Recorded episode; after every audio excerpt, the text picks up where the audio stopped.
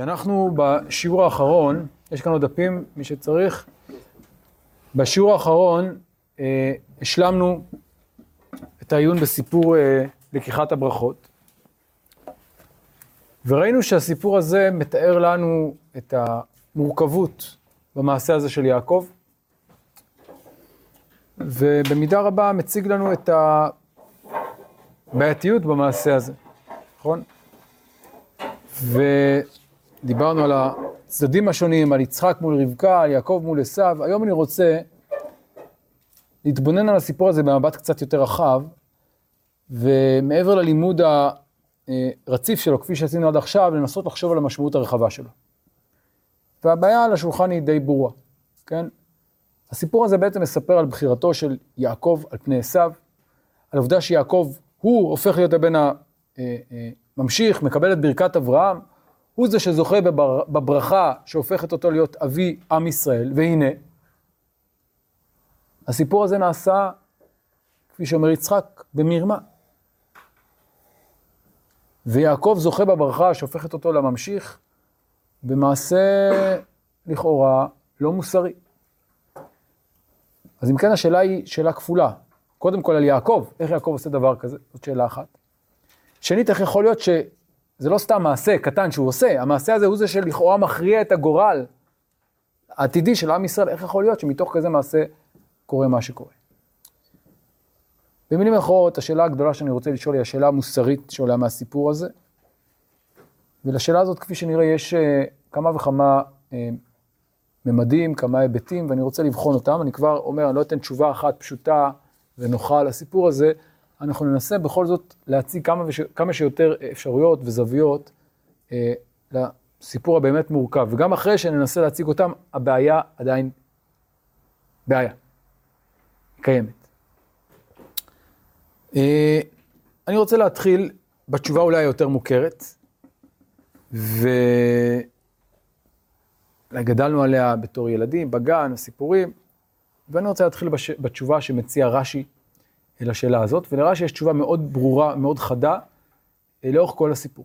לא בנקודה אחת, לא בפירוש אחד, לאורך כל סיפור לקיחת הברכות, רש"י נוקט עמדה מאוד מאוד ברורה וחד משמעית בסיפור הזה. ואני רוצה לתת כמה דוגמאות. יש לכם כאן בדף אה, מבחר פירושים. בואו נתחיל בהתחלה, וצודה לי, כן? יצחק אומר לעשו, ללכת לשדה, וצודה לי ציד. אומר רש"י, מה זה וצודה לי? מן ההפקר ולא מן הגזל. לצוד ציד לאבי כאשר עשו הולך, לצוד ציד, מהו לאבי? אם לא ימצא ציד, יביא מן הגזל. כן? מה רש"י רוצה ללמדנו כאן בפסוק הזה, בפירוש הזה? שעשו גזלן, אנחנו ידענו את זה כבר מראש, נכון? בגלל רש"י, כמובן זה לא כתוב בפסוקים. למה חשוב להדגיש כאן שעשו גזלן? מה הוא עוד מוסיף כאן? לא רק שעשו גזלן, יותר מזה. או שלא ידע, או ש... הוא לא עשה מה שאבא שלו אמר, דווקא אבא שלו יודע, אחרת, הרי ליעקב הוא לא היה צריך להגיד, אל תגזול, נכון? למי אומרים לא, לא לגזול? למי שחושדים שיגזול, כלומר, במילים אחרות, יצחק יודע עם מי מדובר, עם מי יש לו עסק, הוא לא תמים. מן ההפקר ולא מן הגזל, ומה עושה עשיו? אם ימצא, ימצא, אם לא, יביא מן הגזל. אז כבר כאן אפשר לראות, קודם כל, את הפער בין יצחק לבין עשיו, אבל יצחק יודע מי הוא עשיו. הוא לא תמים. זו נקודה ראשונה. נקודה שנייה, מעניינת, אומר רש"י כך, כאשר רבקה, איפה כתוב לפני השם, אתם זוכרים? מה? בפסוק ז', מאיזה הקשר נאמר לפני השם? רבקה מדברת עם יעקב, ומה היא אומרת לו?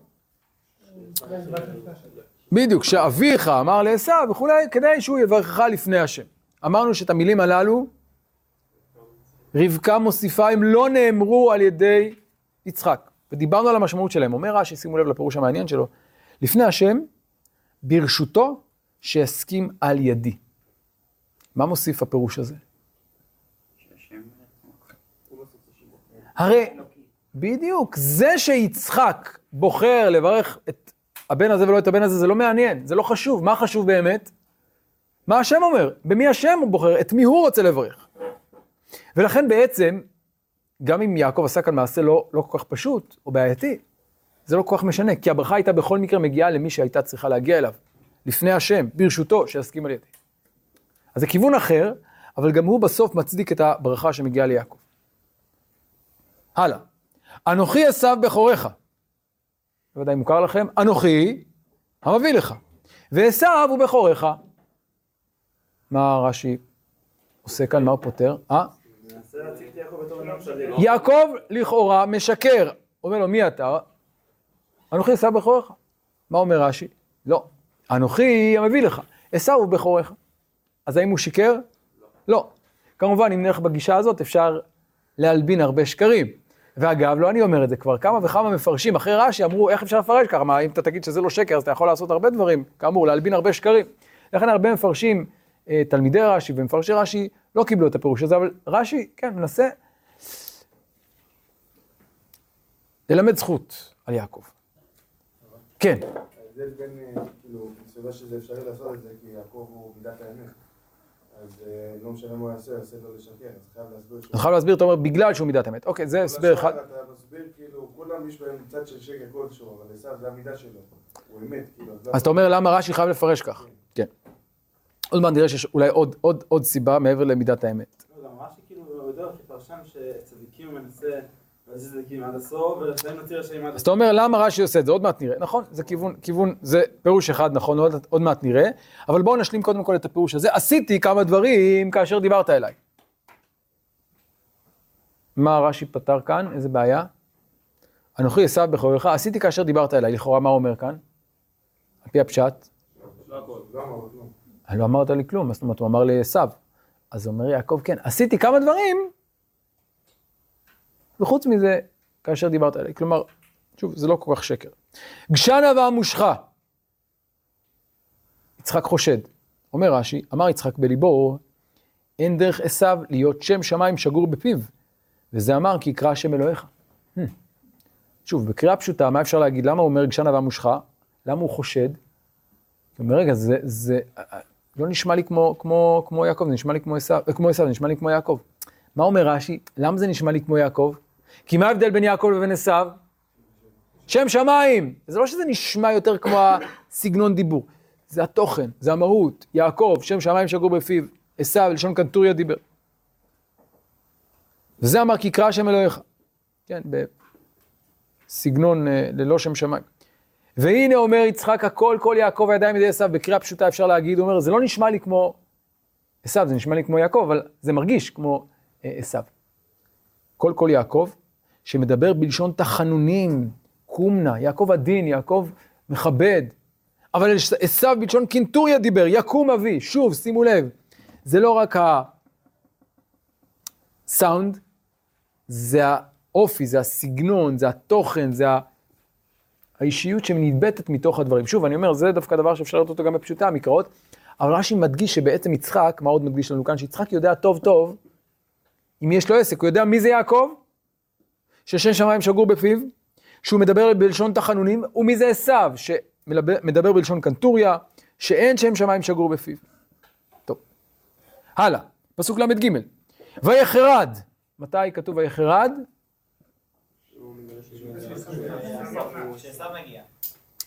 אומר רש"י, לשון תימה, בעקבות המדרש. למה? למה הוא מפרש כך בלשון תימה? כי אם נפרש ויחרד כפשוטו, מה זה ויחרד? ויחרד זה, לא, לא יודע אם פחד בדיוק, הזדעזע. מילולית זה הזדעזע, הזדעזע פיזית, כלומר רעד כולו. חרדה גדולה עד מאוד. למה? הוא בהלם, הוא מזועזע. רגע, אז מי הוא איפה, נכון? מי, איזה, מי הביא לי? מה אומר רש"י? ויחרד? תימה.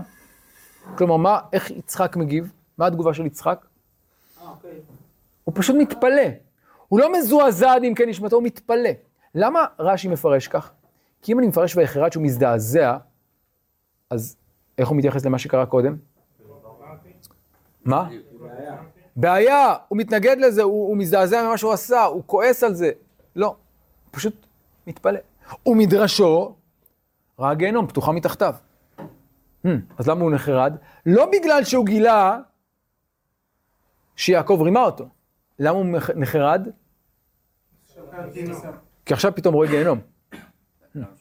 למה שהוא רואה גיהנום? כי עשיו מגיע. אם נחזור אחורה לפירוש רש"י שלא הבאתי לכם כאן, עוד פירוש חשוב לענייננו, כאשר, אה, כן, אפשר להגיד? בדיוק, יפה. כתוב וירא את ריח בגדיו, ראה ריח בני כריח שדה אשר ברכו השם.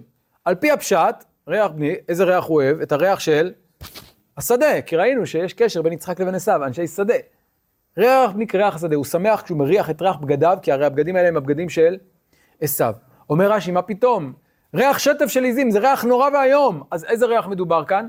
כשנכנס יעקב, נכנס עמו ריח גן עדן. אז ממה הוא כל כך מבסוט?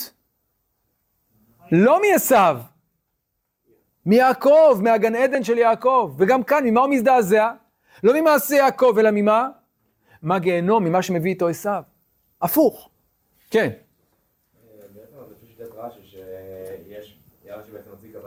של יצחק, של יעקב יכול להיות שבכל זאת יעקב בוחר, שיצחק בוחר שאלה טובה. השם רוצה לתאר אותו. עוד מעט נחשוב על זה, אבל רש"י לא, למיטב זיכרוני רש"י לא עונה על זה. אבל הוא אומר ש... איך נגיד, בעדינות, שיצחק לא יצטער על זה שבסוף יעקב קיבל את הברכה. ועוד מעט נראה גם ההמשך. וזה בדיוק העניין הבא. גם ברוך יהיה, כן, כאשר יצחק אומר, ואברכהו גם ברוך יהיה, אפשר להגיד, ברכתי אותו בברכה. אומר רש"י, לא, ואברכהו ותדע לך שמה? שאני עדיין מאחורי זה, אני עומד מאחורי זה. שלא תאמר, וזה נאמר כאן בפירוש, אילולי שרימה יעקב לאביו, לא נטל את הברכות. אולי תגיד דבר כזה, לא.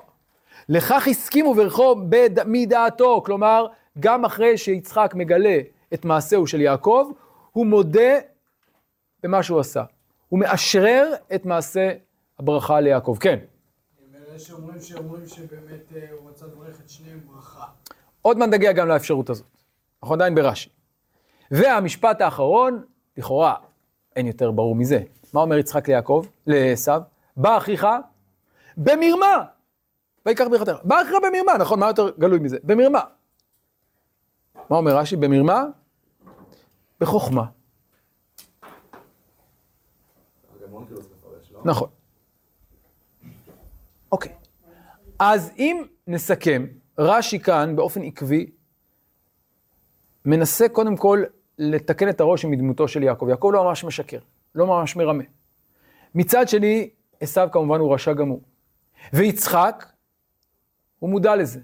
הוא יודע מי הוא, יצחק, מי הוא עשיו ומי הוא יעקב. הוא מודע לכך שבנו הוא רשע, ולכן הוא גם לא מצטער על זה שיעקב קיבל את הברכה, והוא אפילו מאשרר את זה, והוא לא כל כך כועס על יעקב, הוא אומר באחיך במרמה, בחוכמה, זה בסדר גמור, אין לי בעיה עם זה, אני אפילו שמח בזה, ואברכהו גם ברוך יהיה. זה הסיפור. אז זה כיוון אחד, שבעצם במידה מסוימת, כן, אה, אה, מיישר את כל ההדורים, את כל הבעיות שיש לנו כאן. לכאורה תמונה הרבה יותר פשוטה. יש רק קושי אחד מרכזי בפירוש הזה כמובן, שהוא אה, מאוד מגמתי, מה שנקרא לא, כן, מאולץ, אפולוגטי. אפולוגטי. או, זה, זה מילה, כן, אפולוגטי. ואפולוגטי זה אומר, מה זה אפולוגטיקה? תירוצים. זה מילה ביוונית. אפולוגיה זה התנצלות. אפול... כן, כמו אפולוגי באנגלית, נכון. מילה שיסודה ב... ביוונית, אפולוגיה, כן? מה זה אפולוגטיקה? זה אתה צריך להתנצל. בפני מי אתה מתנצל? בפני מישהו שמתקיף אותך, נכון? אה, מה? בפני מי אה, רש"י צריך להתנצל? או לעשות אפולוגטיקה? אז אפשרות אחת, כפי שאמרתם קודם, רש"י, ובאמת יש לרש"י מגמה מאוד ברורה בהרבה מקומות בתורה, ל... להליץ יושר על הצדיקים. כי זה רש"י. אם יש צדיק שעשה משהו זה, אז הוא מנסה להגיד, בכל זאת להסביר עד כמה זה לא מעשה כל כך נורא. אה, ומצד שני, הרשעים הם רשעים ממש, כן? אז זה קודם כל מאוד מאפיין את רש"י, זה קשור גם לתפיסה החינוכית של רש"י, רש"י הוא לא רק פרשן, הוא גם מחנך. אז הוא אומר, כן, אתה חושב שהוא עשה מעשה רע? לא, הוא לא עשה מעשה כל כך רע, זה לא כמו שאתה חושב, זה כיוון אחד, אבל יש משהו יותר עמוק מזה. כן, אפשר לקשר את זה היסטורית? כן. יכול אה, כן. אז אני, אני אלך, בדיוק, אני אלך עוד צעד אחד קדימה, בדיוק מה שאתה אומר. כזכור, רש"י חי במאה ה-11 בצרפת, תקופה לא פשוטה, מסעות הצלב, אה, אה, התקפות לא רק פיזיות, גם אה, תיאולוגיות על היהודים מצד הנוצרים בצרפת. לא זו בלבד, יש לנו עדות, או הרבה עדויות, על ויכוחים בין תלמידי רש"י לבין פרשנים או כמרים נוצרים. ולא זו בלבד, אלא שיש לנו משהו שנוגע קונקרטית לסיפור שלנו. לא בדיוק הסיפור הזה, הסיפור הקודם, אבל זה חלק מאותו עניין. כלומר, הנוצרים, מתברר, ראו בסיפור הזה הזדמנות פז לבקר את היהודים. כי מה בעצם רואים כאן? יעקב הרי הוא האבא הרוחני והפיזי של עם ישראל. ואם אנחנו רואים בסיפורים על יעקב, שהוא אדם לא מוסרי, רמאי, שקרן, נוכל, אז מה זה אומר לנו? שכל היהודים שקרנים, רמאים ונוכלים. גם עשיו הוא אדום, אז זה ממש... אוקיי. אוקיי. לא, לא גנטית, אבל, אבל אולי ככה הם תופסים את עצמם, למרות שהסיפור יותר מורכב, על כל פנים, היהודים בוודאי תופסים את הנוצרים כצאצאים של עשיו, רומא, אדום, האם גם הנוצרים זו שאלה אחרת, אבל בוודאי הם רואים את יעקב כאב, כאב הרוחני של עם ישראל, במובן הרע.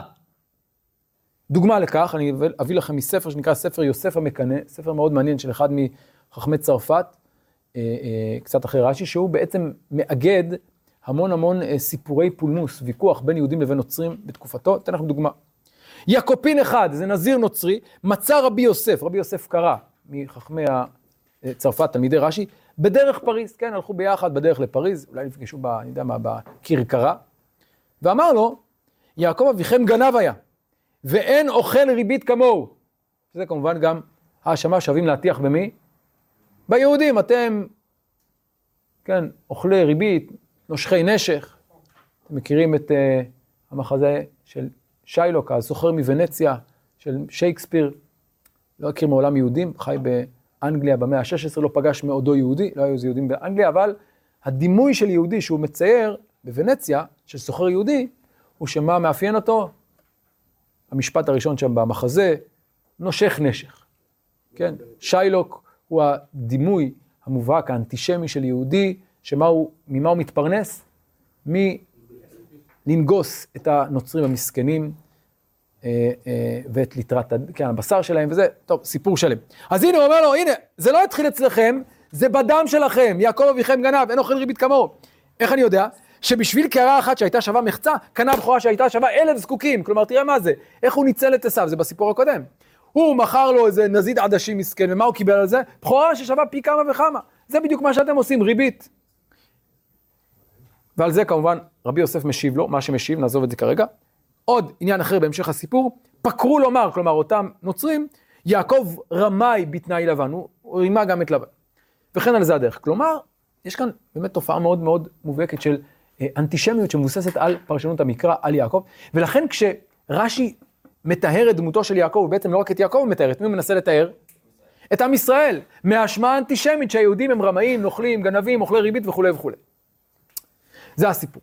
בסוגריים אני אגיד, מי שרוצה לעיין, יש ספר מאוד מעניין של אחד מחוקריו המובהקים של רש"י, היסטוריון, אה, פרופסור אברהם גרוסמן, והוא כתב הרבה על רש"י, חובב גדול, אוהב את רש"י, כתב עליו הרבה, ספר מאוד מעניין, יפה, אני ממליץ לקרוא בסדרה של שזר על גדולי הרוח בעם היהודי. והוציא לאחרונה ספר שעוסק בדיוק בנושאים האלה, בפולמוסים האנטי-נוצרים בפירושי רש"י. יש לזה הרבה הרבה דוגמאות מאוד מעניינות. אגב, אחת הדוגמאות הכי יפות בעיניי, זה הפתיחה של רש"י לשיר השירים. אתם מוזמנים לעיין אחר כך, אחת הפנינות היפות ברש"י ובכלל בספרות הפרשנית. והפתיחה הזאת היא בעצם מציגה את שיר השירים כהתמודדות עם הטענות הנוצריות כלפי היהודים. הוא לא אומר את זה בפירוש, אבל זה מה שעומד כאן ברקע. הרעיון שהקדוש ברוך הוא לא עזב את ישראל גם בגלות, כן, כל שיר השירים בעצם מדבר על עם ישראל בגלותו, בבדידותו, כמו אישה שבעלה עזב אותה, אבל הוא בעצם כל הזמן חושב עליה ורוצה לחזור אליה, וזה כמובן התמודדות עם הטענה הנוצרית שאלוהים נטש אתכם, עזב אתכם, קראתי איתנו ברית חדשה והתנתק מכם. אז יש הקשר היסטורי, כן. אז זה כיוון אחד. אבל האמת היא שלרש"י יש כאן, אני חושב, משהו יותר עמוק ועוד מעט נחזור אליו, אה, שמתחבר למשהו שנראה בהמשך. כן. אני לא רוצה לתת אנטישמי או משהו, כן. אבל אה, אולי באמת גנב תופעה, אולי נכון. באחיך במרמה. לא יודע, אז בואו, אנחנו עכשיו לומדים, בואו נראה. אמ, עוד מעט נראה. אבל אני אומר, שוב, כשאתה צריך להתמודד, אגב, זה דבר שאנחנו יכולים עכשיו להגיד אותו, כי באמת אנחנו לא פוחדים מאנטישמים, לפחות חלקית. אה, דווקא היום אולי קצת יותר, אבל בארץ ישראל אפשר יותר לדבר בנחת, בפתיחות, אה, ואולי להתמודד עם הדברים בצורה יותר ישירה. אבל כשאתה נמצא במקום שבו כל מה שאתה אומר יש לו מיד השלכות על השאלה מה יגידו עליך, אז מאוד קשה. עוד מעט נחזור לשאלה הזאת. אני עכשיו רוצה אה, לחזור לפסוקים עצמם ולנסות לבחון מתוכם האם יש לנו אפשרויות אחרות לקרוא את הסיפור. אז בואו נראה קודם כל את ההקשר המיידי. אז כמובן הסיפור הזה באמת מציג בצורה די שלילית את יעקב, עשה כאן מעשה בעייתי, אין ספק. אבל יש לסיפור הזה הקשר, או כמה הקשרים. בואו נראה את ההקשר הראשון. ההקשר המיידי, כפי שראינו בשיעורים הקודמים, מהו? מה המסגרת של הסיפור? הנישואים של עשיו מול מה? מול הנישואים של יעקב, נכון? בואו נקרא. ויהי עשיו, יש לכם בפסוקים כאן, בדף, ויהי עשיו בן 40 שנה, ויקח אישה את יהודית בת ברי החיתי ואת בוסמת בת אלון החיתי, ותהיינה מורת רוח ליצחק ולרבקה. כלומר, עוד קודם הסיפור, עוד קודם הלקיחה, מה מסופר לנו? שעשיו מנסה לחקות את יצחק, נכון, ראינו את זה, אבל בעצם הוא עושה בדיוק הפוך. את מי הוא נושא? את בנות חטא. כלומר, במעשיו הוא מוכיח שמה? שהוא לא ראוי להיות הממשיך, הוא לא בונה את העתיד בדרך הנכונה, הוא לא מתחתן עם מישהי שיכולה להמשיך את דרך אברהם, להפך. יצחק עשה בדיוק הפוך, לקחו לו אישה מ... נכון, מפדן ארם, ראינו בשיעור שעבר. אותו דבר בהמשך. וירא עשיו כי יברך יצחק את יעקב וישלח אותו פדן ארם, לקחת לו משם אישה וברכו אותו ויצב עליו לאמור לו תיקח אישה מבנות כנען. וזה מה שעושה יעקב, וישמע יעקב אל אביו ואל אמו וילך פדן ארם. כלומר יעקב הולך בעקבות הציווי הזה, בעקבות הייעוד של בית, יעקב, של בית אה, יצחק ואברהם, ולוקח אישה מהמקום שצריך לקחת כדי להקים באמת אה, בית שיתאים לערכים של בית אברהם. מה עושה עשיו? וירא עשיו כי ראות בנות כנען, בדיעבד הוא פתאום מבין, רואים שעד כה לא היה אכפת לו, או שהוא לא הבין, או שלא היה לו רגישות. וגם כשהוא מבין, הוא מבין באופן מאוד מאוד חלקי. וילך עשיו אל ישמעאל, ולקח את מחלת בת ישמעאל, וראינו שגם ישמעאל לא כזה מתאים, נכון? ישמעאל מצחק, ועל נשיו, בנוסף לנשיו, כלומר, עשיו, לפי המסגרת הזאת, מה אנחנו לומדים על עשיו מול יעקב? הוא לא מתאים. איך אני יודע שהוא לא מתאים? כי הוא נוהג כמי שלא חושב על הדור הבא, על הייעוד, על ההמשכיות, על התפקיד שלו בתור מי שממשיך את בית אברהם. עובדה שלא אכפת לו עם מי הוא מתחתן מהבחינה הזאת. כן. ואילו יעקב בדיוק הפוך. הוא הולך עד פדן ארם כדי לשאת אישה ראויה ומתאימה לייעוד הזה של בית אברהם. מה? בציווי הרב, אבל הוא עושה את זה, נכון. אמרנו בשיעור שעבר שזה לא רק תירוץ, יש כאן שני צדדים. אוקיי, אז אם כן, ההקשר המיידי כבר נותן לנו אה, אולי מורכבות יותר גדולה, כלומר אולי יצחק רוצה לברך את עשיו ולא את יעקב, אבל מי באמת צריך לקבל את הברכה מבחינת ההבנה שלו, ומי לא צריך לקבל? התשובה היא עשיו בוודאי לא צריך לקבל, ויעקב כפי שנראה כן צריך לקבל. אז זה הקשר אחד. נרחיב את ההקשר עוד יותר. כפי שראינו בשיעורים הקודמים, פרק כ"ז קשור קשר הדוק לפרק כ"ה. נכון, ראינו שהסיפורים הללו קשורים באופן עמוק אחד לשני, סיפור הבכורה וסיפור הברכה. בהרבה מובנים, כמובן ראינו שהרבה פרטים שמופיעים בסיפור הזה מאירים את הסיפור השני ו- ולהפך.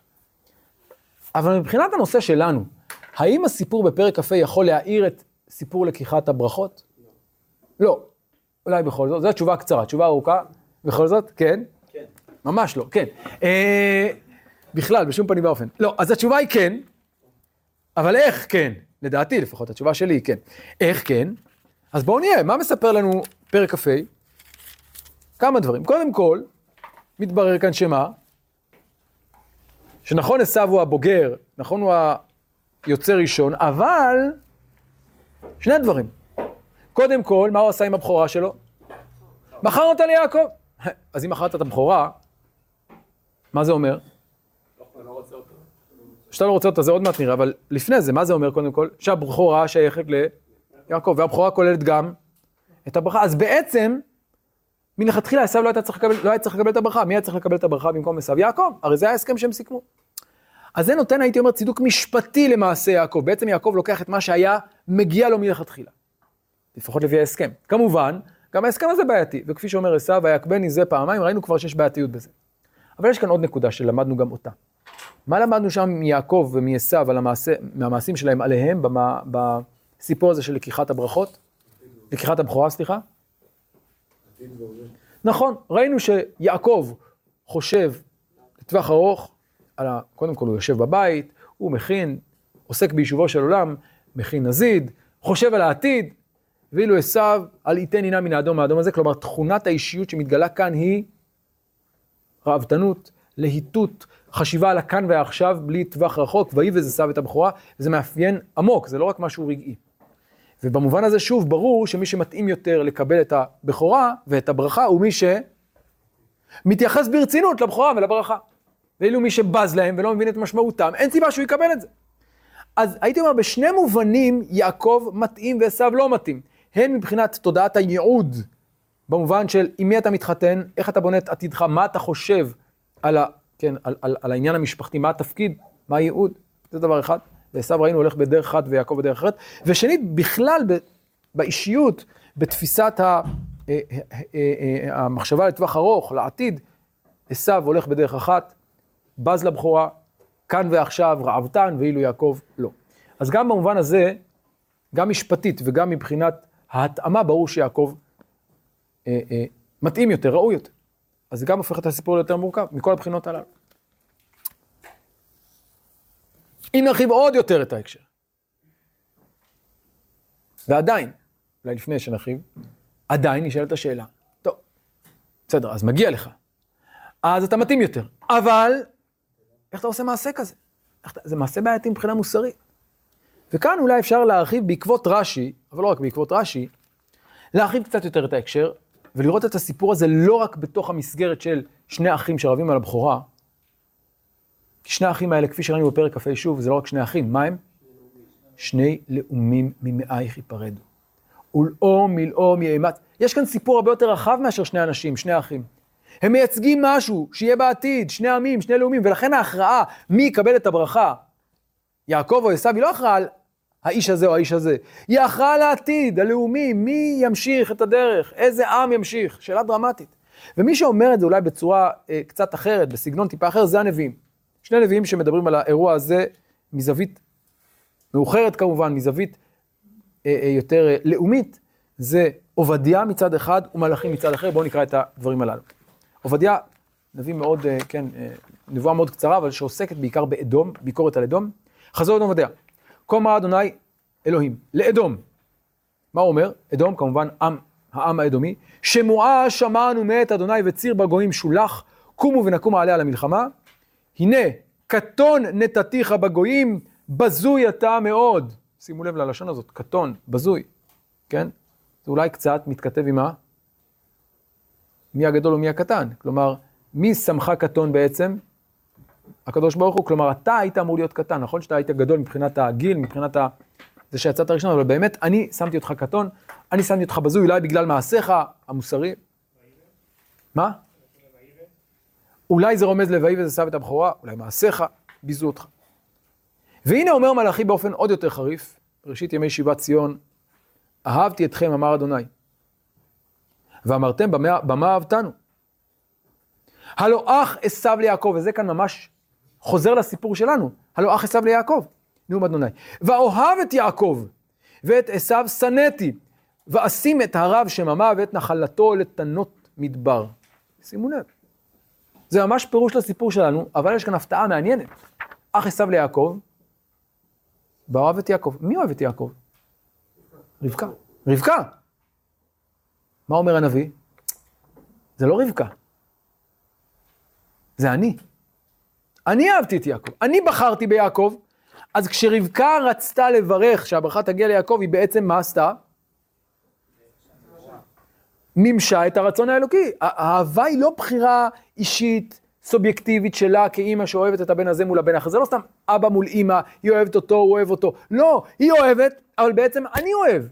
היא מגשימה בזה את הבחירה האלוקית. כלומר, היא לא רק עושה את הרצון שלה, היא לא רק מממשת אינטרסים שלה. ואז הוא נותן למעשה הזה, אמנם עדיין מעשה בעייתי, אבל הוא נעשה על פי דבר השם. עכשיו, מאיפה הנביא יודע את זה? איך הנביא יודע את זה? הרי זו הנבואה. זה בעצם פירוש לכל הסיפור של פרק כ"ה. מה אומרת רבקה? מה מגלה רבקה שהולכת לדרוש את השם? ולאום מלאום יאמץ. ורב... אז היא כבר שומעת בנבואה שיש בחיר, שהבחירה היא ביעקב, בצעיר. אז מה היא עושה סך הכל? מממשת את הנבואה. אז אפילו לא בחירה שלה, היא הולכת בעקבות הנבואה. אז זה מה שמצדיק את המעשה הזה. אז אני מסכם, לפי הפירוש הזה, לפי התמונה הזאת, באמת, אם אני מסתכל על האירוע כאופ, כ, כאירוע מנותק, שמדבר על משפחה שיש בה אבא ואימא, והאבא אוהב את הגדול, והאימא אוהבת את הקטן, והאימא מרמה את האבא וגורמת לו לקחת את הברכה, זה בעייתי, מוסרית. אבל אם אני מרחיב את המבט ואומר, רגע, זה לא רק שני ההורים ושני ילדים, זה סיפור גדול על כל העתיד, על כל הייעוד, על עם ישראל, על עשיו מול יעקב, על עם ישראל מול האדומים, זה סיפור אחר לגמרי. לא זו בלבד, שזה לא רק החלטה של רבקה, זה החלטה של רבקה בעקבות הנבואה, בעקבות דבר השם, בעקבות ואוהב את יעקב, בעקבות ורב יעבוד צעיר. אז זה נותן למעשה של ההקשר אחר. כן, רצית להעיר הערה? אה, חשבתי שמישהו... אוקיי. אז... כן, כן. כמה המצב של הנביאים אכן משקף את מה שעברו עשיו ויעקב, זאת אומרת, בתקופתם שלהם, ולא את מה שהנביאים אומרים בתקופתם שלהם. תראה, אז ברור ש, שכשמדברים כאן על אה, עשיו ויעקב ואדום, זה מתערבב, כלומר זה לא רק עשיו ויעקב האנשים, זה עשיו ויעקב המייצגים של האומות, ברור, וכאן אנחנו מדברים בסוף, כן, אחרי מאות שנים, בראשית ימי בית שני, יש כבר היסטוריה מאוד עקובה מדם לישראל ולאדום. אין ספק שזה נכנס כאן, אבל עדיין אני חושב שבפסוקים האלה זה ממש פרשנות, כמעט הייתי אומר פרשנות, לסיפור יעקב ועשו. כמובן פרשנות לאור המציאות המאוחרת גם, אבל זו פרשנות שגם חוזרת לפסוקים עצמם, גם ואוהב את יעקב, גם את עשו שנאתי, גם אח עשו ליעקב, כן, וזה חוזר לפסוקים שראינו. אז אם כן, זה עוד הקשר שראוי לבחון בו את הסיפור הזה ולהגיד, טוב, לאור ההקשר הזה אולי באמת מה שעשתה רבקה, הוא ראוי, הוא נכון, כן. אבל לכאורה, אם הדבר הזה הוא באמת נבואה, אז רבקה לא הייתה, אז רבקה הייתה יכולה לבחור לא לממש לא? או, שאלה מצוינת. שאלה מצוינת. אתה אומר, רגע, אם זו נבואה, היא צריכה להתממש, מה פתאום רבקה צריכה לממש אותה? אוקיי. שאלה טובה, ואני, האמת שרציתי לדבר על זה עוד מעט, אבל אם כבר הזכרת את זה, אני, אני, אני חוזר באמת לנקודה הזאת. וכאן, אמ, אני רוצה באמת לחזור לאמירה הזאת של רב יעבוד צעיר, של הנבואה. והבחירה של רבקה. ולהציע שהוויכוח הזה בין יצחק לבין רבקה הוא ויכוח יותר עמוק. אז קודם כל אמרנו, היא אוהבת והוא אוהב, בסדר, כל אחד מעדיף בין אחר, אנחנו רואים דברים כאלה. אמרנו יותר מזה, היא אוהבת בגלל שהיא ראתה נבואה, ואולי זה ההבדל, כי בעצם יצחק, מה ההבדל בין יצחק לבין רבקה? רבקה יודעת את הנבואה ויצחק לא יודע, ולכן היא רוצה שיעקב יקבל, ויצחק פשוט לא יודע מזה. מה? אז אמרנו שאפשר גם להבין את זה הפוך, אבל כך כנראה רבקה מבינה את זה. אבל אפשר ללכת עוד יותר לעומק ולטעון שההבדל בין יצחק לרבקה הוא לא רק הבדל בין מי שיודע למי שלא יודע. למה רבקה רוצה את יעקב?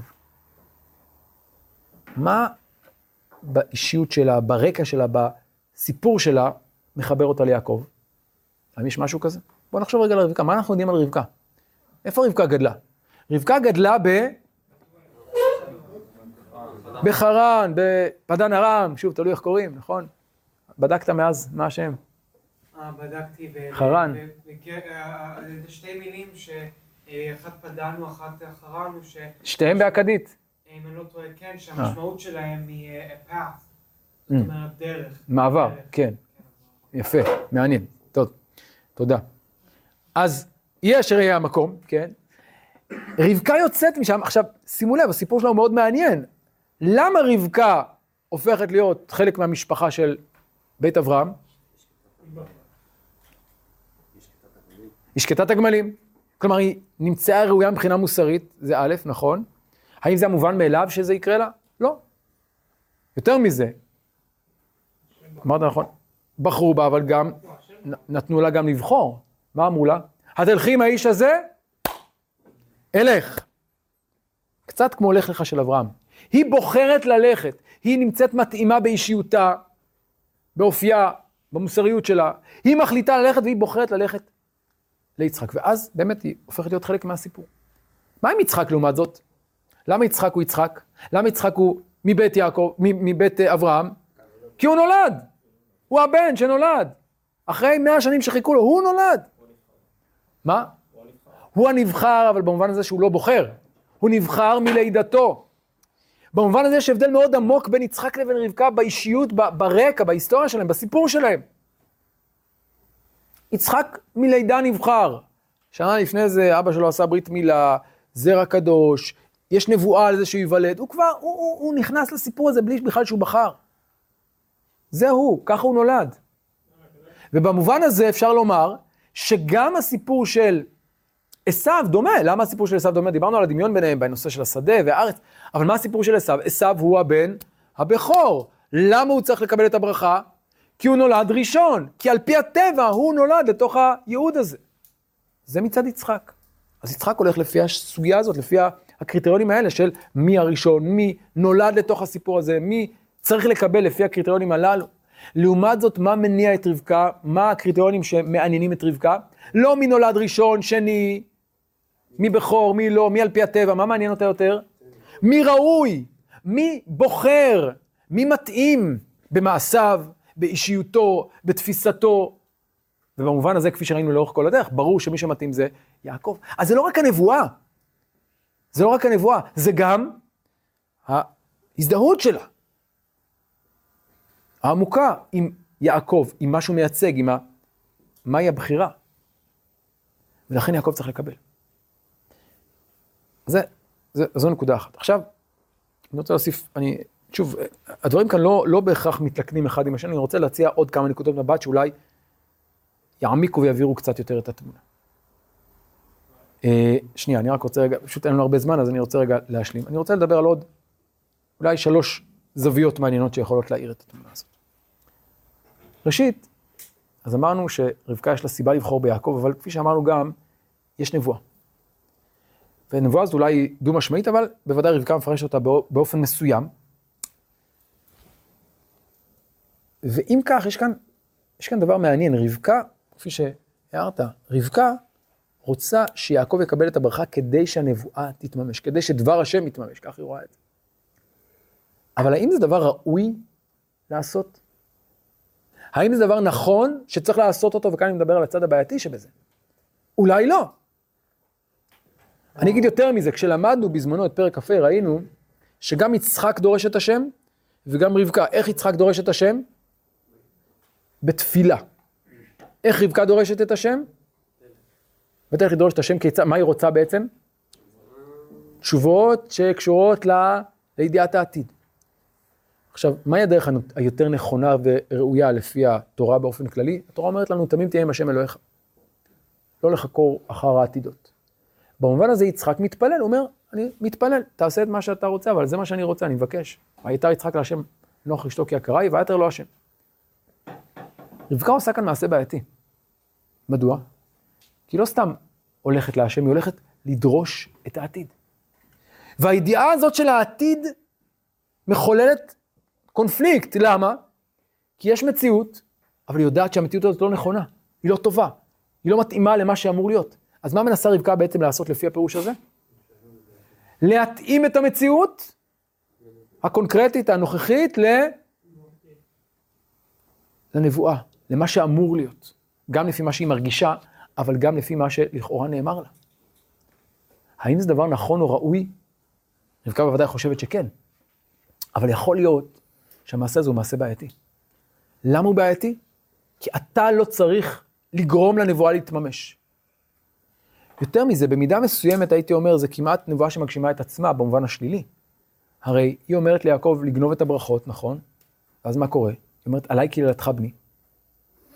גם לפי המדרש, המדרש מתאר את יעקב ככה הולך אנוס וכפוף ובוחר, רואים שיעקב לא באמת רוצה, זו עוד נקודה אגב לזכותו, אמא שלו מכריחה אותו, אומרת, אתה חייב לעשות את זה, זה, זה, זה העתיד, חייבים לעשות את זה, זה לא רק אתה, תלוי בזה כל העתיד. מה שתעשה עכשיו יכריע על ההיסטוריה, המשך ההיסטוריה. זה, זה, אגב, זה באמת תפיסה שהסיפור הזה הוא סיפור עם משקל כבד מאוד. נכון שאנחנו עושים כאן מעשה בעייתי מבחינה מוסרית, אבל זה יכריע את מה שיקרה דורות קדימה. אז עם כל הכבוד לפגיעה ביצחק, ויש כאן פגיעה, המשקל הזה של העתיד גובר. אבל, האם באמת כך צריך לעשות? לא בטוח. לא בטוח שידיעת העתיד פותרת אותך מהכרעה מוסרית בהווה. אולי לא היית בכלל צריך לדעת, וגם אם אתה יודע, לא בהכרח שאתה צריך לעשות משהו בעקבות זה. יותר מזה, בעקבות המעשה הזה של רבקה, מה קורה עכשיו? מה עושה אה, יעקב? לוקח את הברכה, ואז מה קורה? עשיו, רוצה להרוג אותו, ואז מה קורה? יש ביניהם מאבק. ולאומי לא מאבק, יש מאבק. האם היה הכרח שיהיה כזה מאבק של אחד רוצה להרוג את השני. בעקבות מה קורה המאבק הזה? בעקבות המעשה של יעקב. השנאה, ויסתום עשיו את יעקב על הברכה אשר ברכו אביו. כלומר, יש כאן כמעט, הייתי אומר, תוצאה ישירה של המעשה של רבקה. אילולא המעשה הזה לא הייתה שנאה ולא הייתה איבה. זאת אחת. אז אולי יש כאן אמירה שיש בעיה במעשה הזה של רבקה, זה, זה דבר אחד. אני רוצה להוסיף עוד משהו. גם אם נגיד שהמעשה הזה הוא, יש כאן קונפליקט, אין ספק שיש כאן קונפליקט, ושוב, הצגנו את הצדדים שלו. הוא לא קונפליקט חד-ממדי, הוא קונפליקט מורכב. כאמור, קשור להווה ולעתיד, לאבא ולאימא, לטבע ולבחירה האנושית. כל השאלות האלה הן שאלות באמת מאוד מורכבות. וגם אם נגיד שיעקב בסוף, אחרי כל ההתלבטות הבאמת קשה מאוד הזאת, מקבל את ההחלטה הנכונה, במובן הזה שאולי ככה היה צריך להכריע. הרי שהסיפור הזה לא נגמר כאן. אפשר לומר שכמעט כל ההמשך של סיפור יעקב ועשו, מפרשת ועצב והלאה, בסימן העניין הזה. בסימן מעשה יעקב, בסימן לקיחת הברכות, ואנחנו נראה את זה בשיעורים הבאים, אבל כמעט כל סיפוריו, כל הטרגדיות שמלוות את חיי יעקב, קשורות במישרין או בעקיפין למה שקרה כאן.